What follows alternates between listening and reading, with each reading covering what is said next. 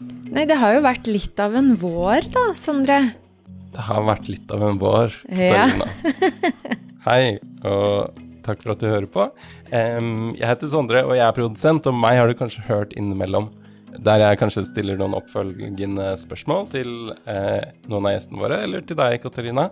Oppklarende når jeg kjører meg helt fast i fagspråket, mener du? Men ja, ikke sant?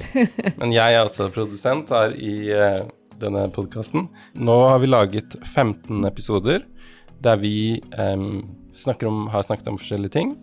Em, og nå det, har vi nettopp hatt litt sommerferie, så tenkte jeg at vi kunne prate litt om hva er det vi har er det noe vi har tenkt på? Er det noe vi har uh, reflektert over? Og vi har også fått noen spørsmål fra noen lyttere som jeg tenkte at uh, du kunne få svare på som lege.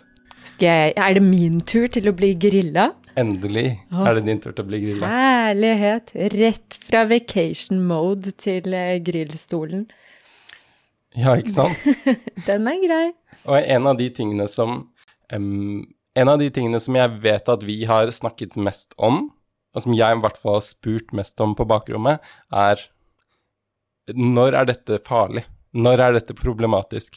Jeg husker da vi snakket om em, hjerte, vi hadde en kardiolog på besøk, så snakket vi om hjerte, og så spurte jeg om Man har jo hørt alle de Liksom den tanken om um, når du får hjerteinfarkt, så får du eh, smerter i brystet, og så stråler du ut i venstre arm gjerne, og så er det liksom sånn Det er noen sånne ting man må passe på.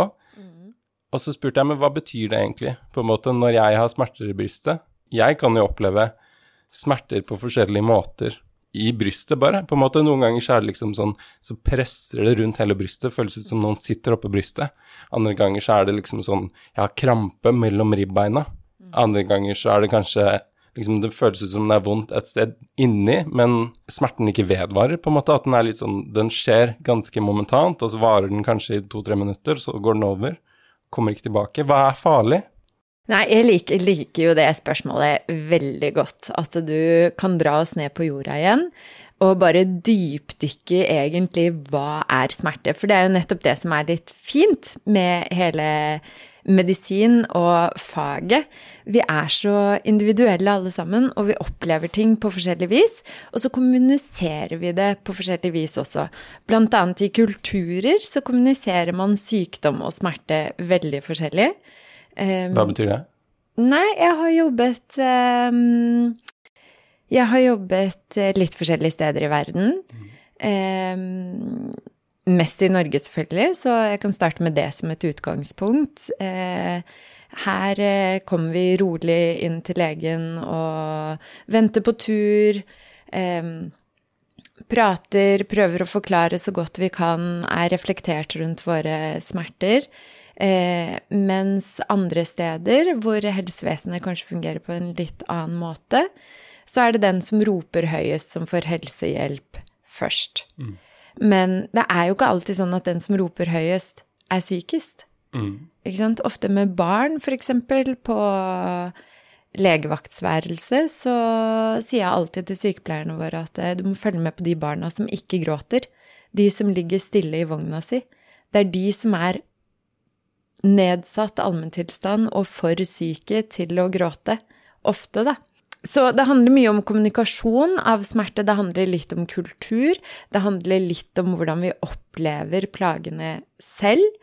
Men, eh, men det går jo an å svare på spørsmålet ditt allikevel, for hva er brystsmerte, og hva er farlig brystsmerte, for eksempel? Em, og farlig brystsmerte, du var innom det. Den farlige brystsmerten er jo den klemmende brystsmerten.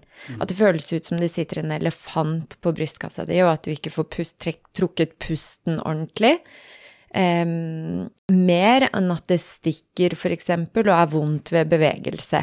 Da er det ofte muskulære smerter. Men den typiske hjertesmerten ved et infarkt, eh, er denne klemmende brystsmerten, sånn som du sa, som kan stråle opp i halsen. Litt sånn vag følelse, udefinerbar følelse opp i halsen og ut i armen. Det føles ut som noe er feil, liksom, i Føles ut som noe er feil, og ofte hvis man har et pågående infarkt, så vil det forverres i aktivitet Okay. og bedres i hvile. Så det er typisk denne hjertesmerten som, som vi snakker om når vi sier kontakt lege ved brystsmerter. Ja, og det er jo egentlig et, et, et litt større spørsmål også. Når skal man gå til legen, da, på en måte? Eh, Ikke bare med hjertet, men med hele kroppen. Når burde man gå til legen? Ja, og det er ikke bare et litt større spørsmål, det er rimelig stort spørsmål. Fordi her er jo alle tilstander, alt fra psykisk helse til fysisk helse innenfor, ikke sant? Eh, hvor det er så forskjellige parametere for hva og når man bør kontakte lege. Men for å gjøre det litt sånn kort og ukomplisert, så tenker jeg når du selv tenker at du ikke har det bra, og at dette ikke går rette veien, når magefølelsen din sier at eh, her trenger du hjelp, du er redd, eh, du klarer ikke å stå i det selv, dra til legen. Og så er det småbarnsforeldre. De er jo egentlig en litt sånn egen kategori innenfor når bør man kontakte lege. Ja. For de kjenner det jo ikke på egen kropp. De har jo ansvar plutselig for en annens kropp, som i tillegg ikke klarer å prate Ja. eller å kommunisere. Ja. Hvordan skal man da vite når man skal kontakte lege? Ja, er, er, er barnet varmt? Er barnet liksom Ja, har det feber? Har det Ja. Virker det som det har vondt noe sted? Er det liksom sånne spørsmål, på en måte, som man må Det er sånne spørsmål. Så det som, hvis man lurer på om man skal dra til legen, så har man jo alltids mulighet til å ringe legevakten eller ringe legekontoret og presentere de plagene man har. Og så kan man få et råd av en sykepleier, f.eks. Eh, om man bør komme eller ikke bør komme. Og er det så alvorlig at man vurderer å ringe ambulanse, men tenker 'å, jeg har ikke lyst til å bry noen', så tenker jeg, hvis du først har tenkt tanken at det er så alvorlig at du bør ringe ambulanse, så ring 113. Det verste du kan treffe på, er en hyggelig sykepleier i andre enden med erfaring eh, til å kunne, kunne gi deg de svarene du ønsker. Og det verste du kan høre, er potensielt vent til i morgen, eller prøv fastlege, eller prøv å ta en Paracet og se det an litt. Så det er ikke så skummelt, men, men pendelen går liksom fra det mest hvor terskelen er veldig lav for å kontakte helsevesenet, til de som ringer inn altfor sent, ikke sant? Hvor ofte får du besøk av noen på legekontoret, liksom sånn som der du tenker at å, men kjære deg, du burde vært der for to uker siden. Eh, ja, det er ganske ofte. Eh, primært eh, egentlig Ja, nei, det gjelder alle aldre og alle eh, kjønn, farger og fasonger og problemstillinger. Eh, jeg tror nok at det handler om at folk pusher seg mye, bl.a. utbrenthet, da, som det er veldig mye av i samfunnet nå. Det er jo typisk de som burde ha vært hos legen litt før. Ikke sant? De som med korrigeringer, og kanskje noen som kunne veiledet de litt tidligere, ikke hadde endt opp med å bli så syke som det de ble. Men det er jo nettopp det. De er sterke, for sterke for lenge. Eh, som gjør at man, man møter den berømte veggen til syvende og sist. Og det er vel kanskje fordi infeksjoner og sånne ting, der går det jo litt sånn av seg selv. Altså feberen blir så høy, det blir så ubehagelig, det blir så sterke symptomer at man kanskje ikke fysisk kan unngå å kontakte lege. Mens det å pushe seg, det er det mange som er gode på å nedprioritere egne symptomer og følelser. Det er det nok mange som er gode på å bli stående altfor lenge i. En ting jeg har lurt på, er Når man snakker om utbrenthet, på en måte, så er det et veldig liksom det, det føles ut som, når jeg kommer utenfra, som en som ikke er en lege, som et psykisk problem. Em, og så har man liksom Hvis jeg har knukket foten, så er det veldig, veldig fysisk. Men er det liksom sånn En ting jeg har lært de siste 15 episodene som vi har spilt inn, er at ting henger ofte sammen, på en måte. Hele kroppen henger hele tiden sammen. Så man em, kan forebygge én ting, men det er kanskje ikke problemet egentlig, på en måte, at man har lavt stoffskifte som fører til at du plutselig får færre menstruasjoner, eller som fører til at du får hjerteinfarkt, på en måte, eller at det er liksom sånn ting henger sammen på en eller annen rar måte i medisinske verden.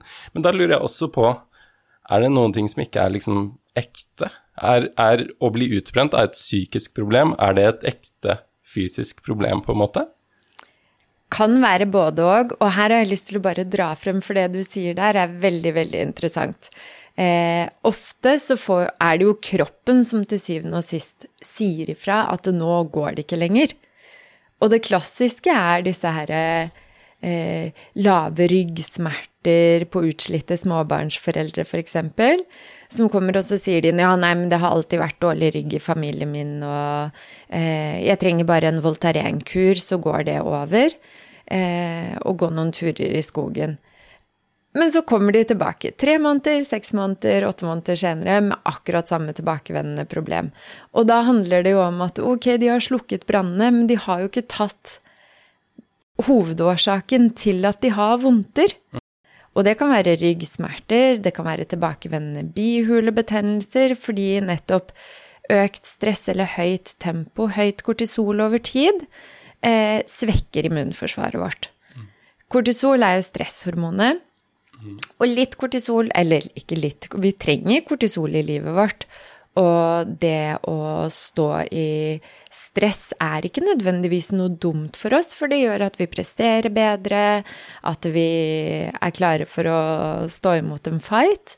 Men det er denne langvarige påkjenningen eh, som ikke er bra for oss, og så har vi nok ulik terskel for å håndtere det også. Vi snakket jo litt om det tidligere, Sondre, om eh, eh, hvordan du tar det. At de som er mest utsatt for å bli utbrente, er de som på en måte lar seg affektere veldig av stresset, som håndterer stresset dårlig, ikke sant? Mm. Eh, og der syns jeg det var så fint, for der var du så reflektert over dette funker for meg, dette funker ikke for meg, og eh, sånn fungerer jeg. Mm. Jeg f.eks.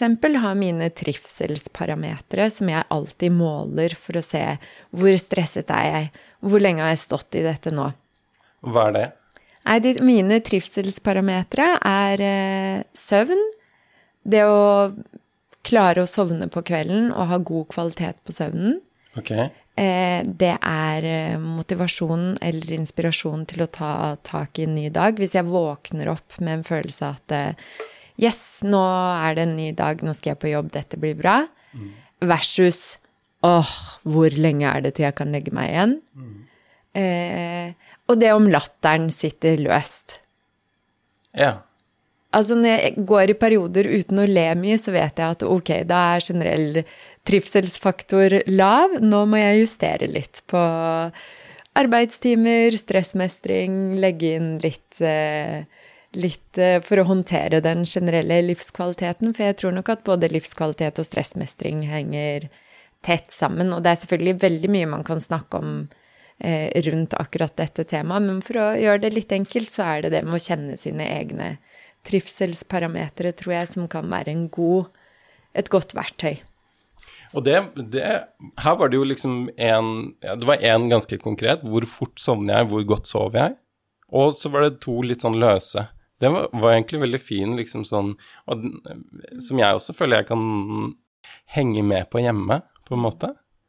Det er ikke sikkert de samme er gyldige for meg, men Og også litt det med irritasjon, ikke sant, men det handler jo om dette tafatt dagen. Hvis jeg våkner og tenker å, hvor lenge er det til jeg skal legge meg igjen?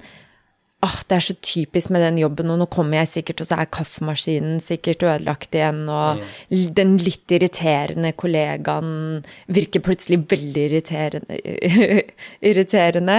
Mm. Altså terskelen for sånne små utfordringer i hverdagen som ikke er egentlig store utfordringer. Når de blir veldig store, så er det også en sånn typisk eh, Når man ikke har det bra på innsiden, så blir alt det på utsiden. Det er mye lettere å ventilere det til ytre faktorer, da, ja. enn å gå inn og tenke at ok, det er faktisk jeg som er problemet. Jeg går rundt og er stressa og kjempesint. Men hva, kan, hva, hva, er det som skjer i kroppen da, på en måte, hvis jeg er stressa? Eh, hvis jeg er stressa, ja, hva er det som skjer i kroppen? Hvordan på, hvor, er det noen endringer i, i, kroppen hormonelt eller fysisk, eller liksom Er det noe som skjer?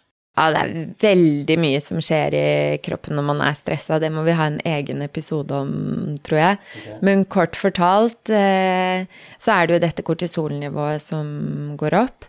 Eh, det er nervesystemet vårt som står og bare er i høygir.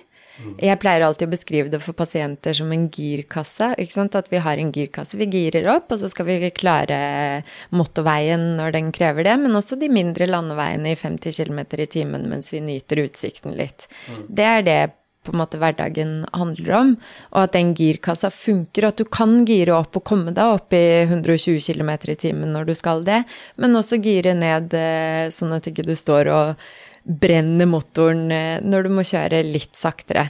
Men den girkassa, den kan kjøre seg fast. Mm. Ikke sant? Og når du da har kjørt deg fast i femtegiret, eh, så er det jo nettopp det som skjer i kroppen. Pusten er rask, pulsen er rask, blodtrykket går opp. Man er aktivert, man er på. Man klarer ikke å gire ned til andre gir. Mm. Eh, og dermed går man også og spinner rundt seg selv.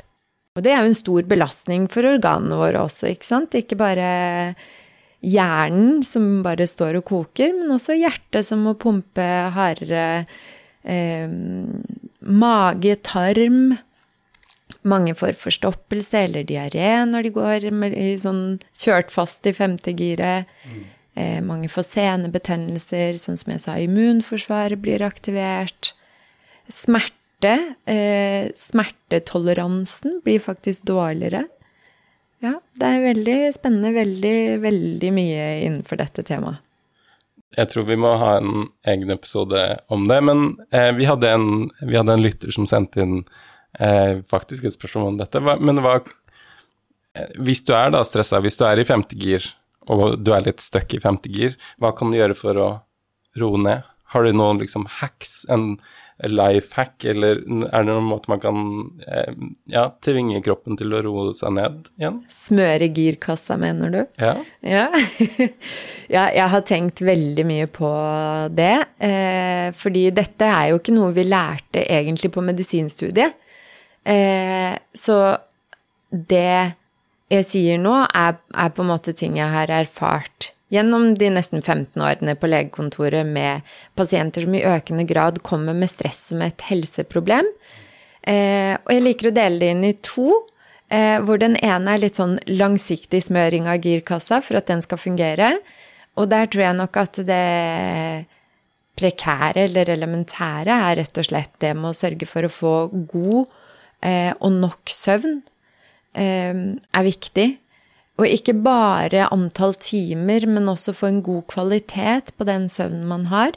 Dyrke det, lære seg det. Hva er det som funker for deg for å få god søvn?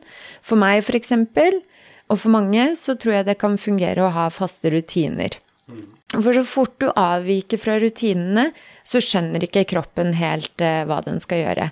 Og det er jo et kjempekomplekst apparat som skal til for å gi deg god søvn. ikke sant? Det er hormoner som eh, boostes før du skal legge deg, og hormoner som igjen boostes om morgenen for å vekke deg. Eh, og disse skal vi ha respekt for og på en måte tilrettelegge sånn at kroppen på innsiden kan jobbe best mulig for å gi oss den gode søvnen. Sørge for å få nok søvn, åtte timer. Eh, stå opp til samme tid, legge seg til samme tid, det er mitt beste råd for å få til det. Ja, nå ser jeg du rynker på nesa. ja, jeg syns det høres ut som det er lettere sagt enn gjort, på en måte, å passe på at du får god nok søvn. Det er jo ofte problemet, på en måte. Hvis jeg er stressa, så er det kanskje en av de faktorene da, som har ført til at jeg har blitt stressa. Ja. At jeg ikke får nok søvn, at jeg prøver å legge meg på samme tid og stå på samme tid, men at det, det som skjer innimellom der, ikke løser seg ja. på samme måte som før. Og det der er en veldig, veldig god og viktig tanke, for hva kommer først? Er det den dårlige søvnen som leder til at du får økt stress i hverdagen, mm. eller er det økt stress i hverdagen som gjør at du får dårligere søvn? Mm. Og jeg er så glad for at det er så mye mer fokus på dette med søvn nå, at det er mye mer forskning på det, det skrives mye mer om det. Eh, fordi dette er jo også et sammensatt tema, ikke sant? Og det er veldig mye mer vi fortsatt må utforske og lære om det. Eh, men jeg tror nok hvis man har en dårlig opplevelse av å ha hatt en dårlig natts søvn, så tror jeg det viktigste er å huske på at det, det er ikke farlig. Om du sover dårlig en natt eller to på grunn av temperatur eller fordi du spinner eller fordi puta er dårlig på hotellrommet eller et eller annet, ikke bruk for mye energi til å irritere deg over det, for da tror jeg man fort kommer inn i en sånn eh, runde hvor man assosierer søvn med stress.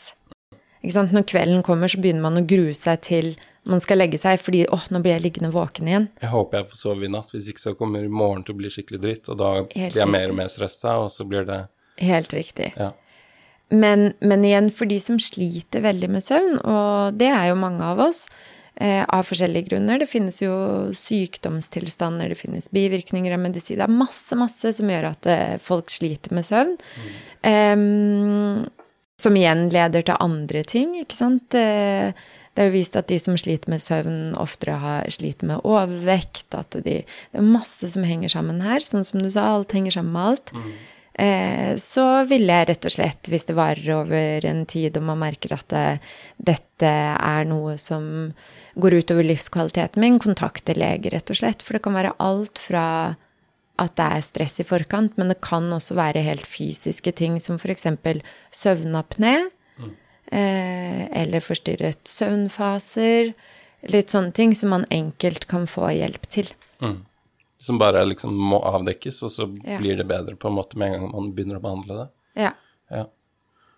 Um, Og de neste, de neste litt sånn langsiktige smøringene utenom dette med å passe på god, eh, god søvn og rutiner rundt søvn For meg tror jeg er eh, aktivitet, det med fysisk aktivitet.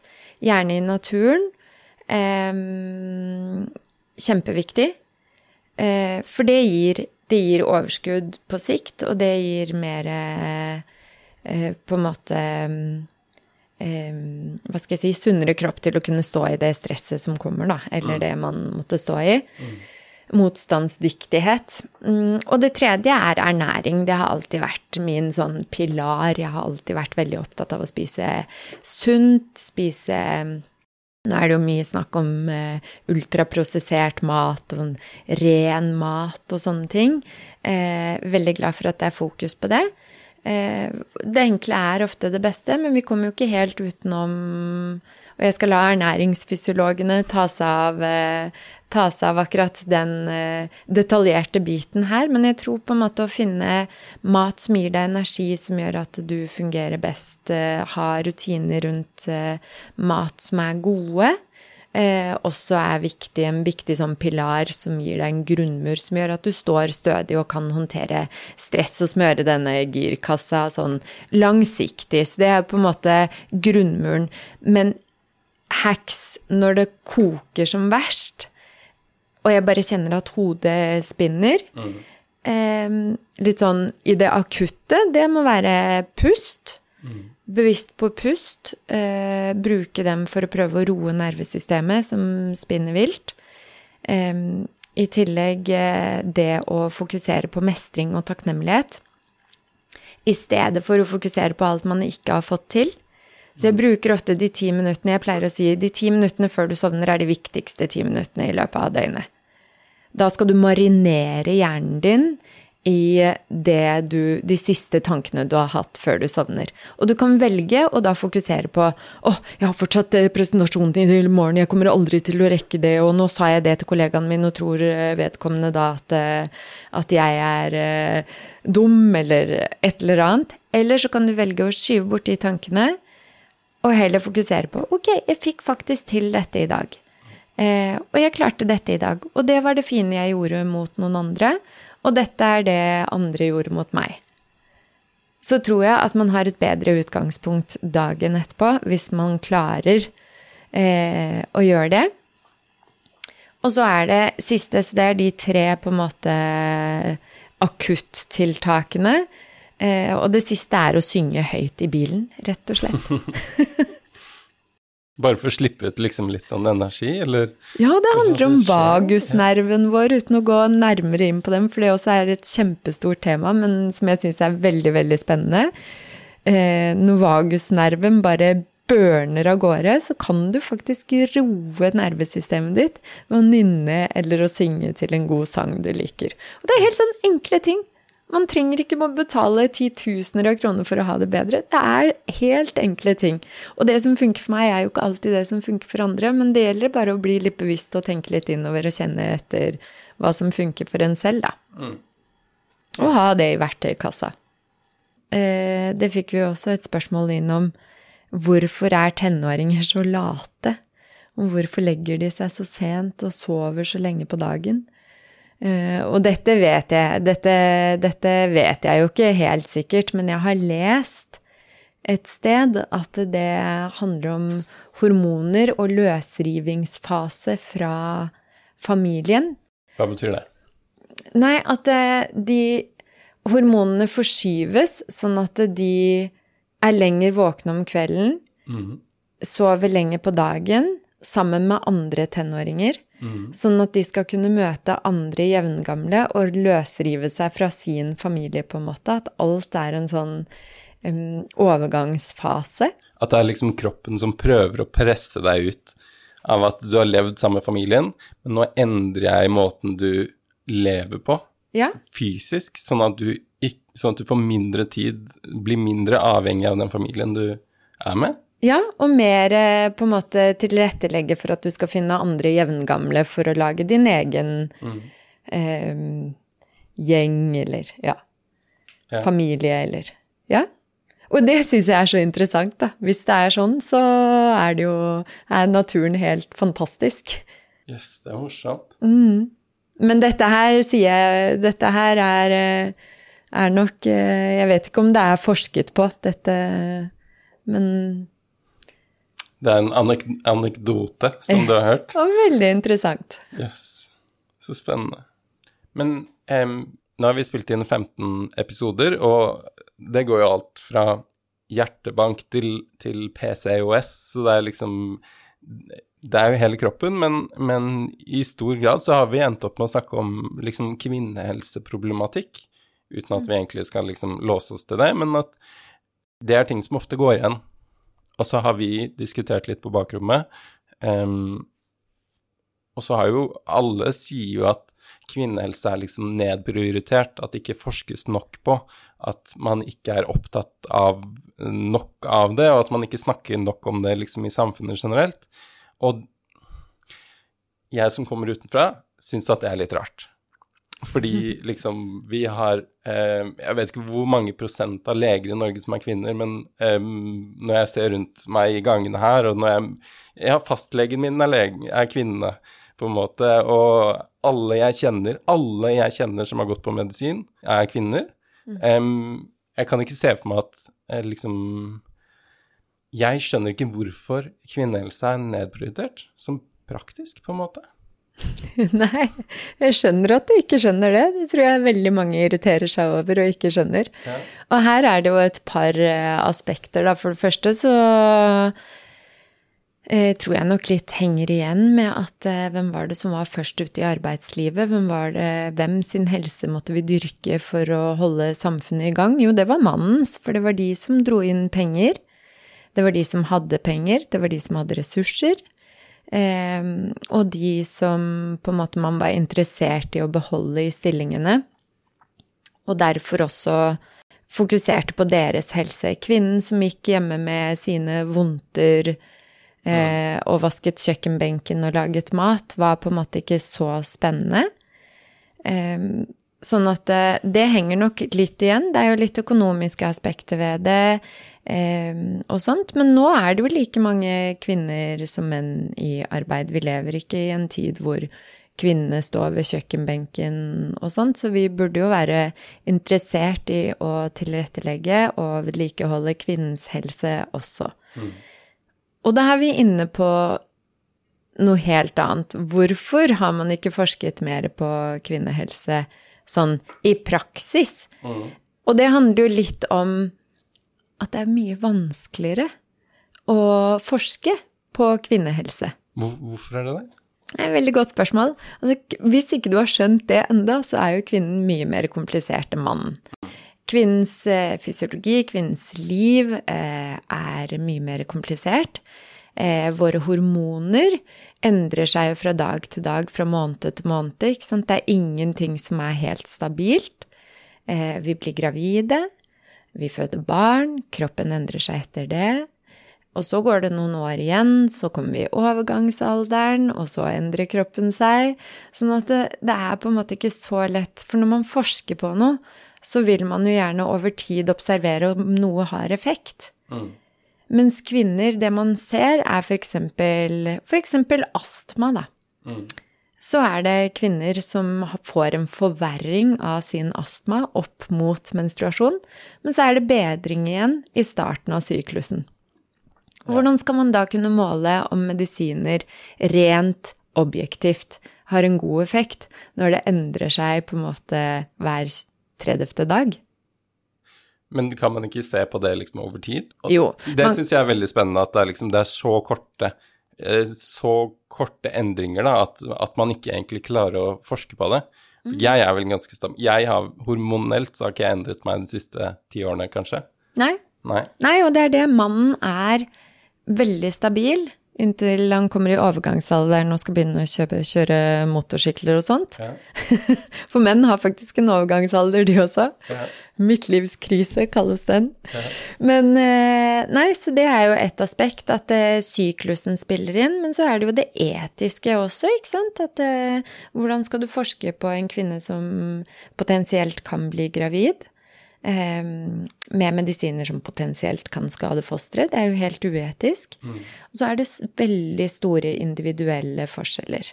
Er det noe vi har lært av kvinnehelse nå, og alle de som står frem, som er tøffe, bra damer som står frem og forteller om sine plager, sitt liv med endometriose f.eks., eller PCOS, som vi har en episode om, eller PMS, PMDD, alle variasjoner innenfor det, så har jo også disse spesialistene vi har snakket om, fortalt oss at hormonnivået er egentlig det samme i kvinnekroppen. Så du kan ikke gå og få en blodprøve og få vite om du har PMDD eller PMS. Eh, fordi det oppleves så ulikt. Noen håndterer svingninger i hormoner veldig godt, og det affekterer det ikke så veldig. Mens andre blir jo daudsjuke av det, ikke sant? Ja. Så det er jo alle disse kompliserende faktorene som gjør at det er vanskelig og mer eh, sikkert dyrere å forske på kvinnehelse, vanskeligere å få gode resultater, etikken som ligger bak det, og alt mulig sånt. Men også liksom historisk sett en grunnleggende nedprioritering, på en måte. At det, liksom, det har vært litt mindre viktig å avdekke de problemene, på en måte. Samfunnskritisk så har det vært mindre Absolutt, absolutt. Det, det er jo en faktor som man definitivt kan endre på og ha fokus på. Og det andre er jo på en måte å finne Altså, vi har klart å sende raketter ut i verdensrommet. Vi har fått internett. Vi må klare å tilrettelegge en god forskningsmetode på kvinner også. Men Katarina, nå har vi Ja, vi har laget 15 episoder som du kan gå og høre på hvis du ikke har hørt gjennom, eh, som jeg er veldig fornøyd med. Eh, og vi skal fortsette i høst. Eh, Vi skal det. Jeg gleder meg veldig. Ja?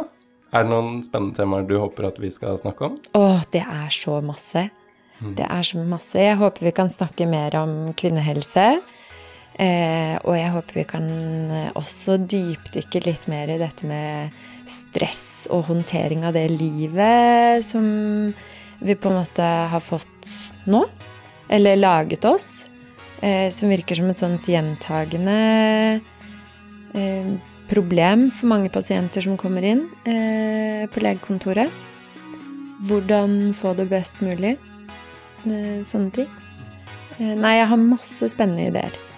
Jeg gleder meg, jeg gleder meg veldig til å fortsette med dette. Um, ja, men da kan vi bare si ha det, da. Og så håper vi at uh, du som hører på, følger med neste uke, for da er vi tilbake med mer. Yes. Takk for i dag. Takk for i dag. Ha det Ha det.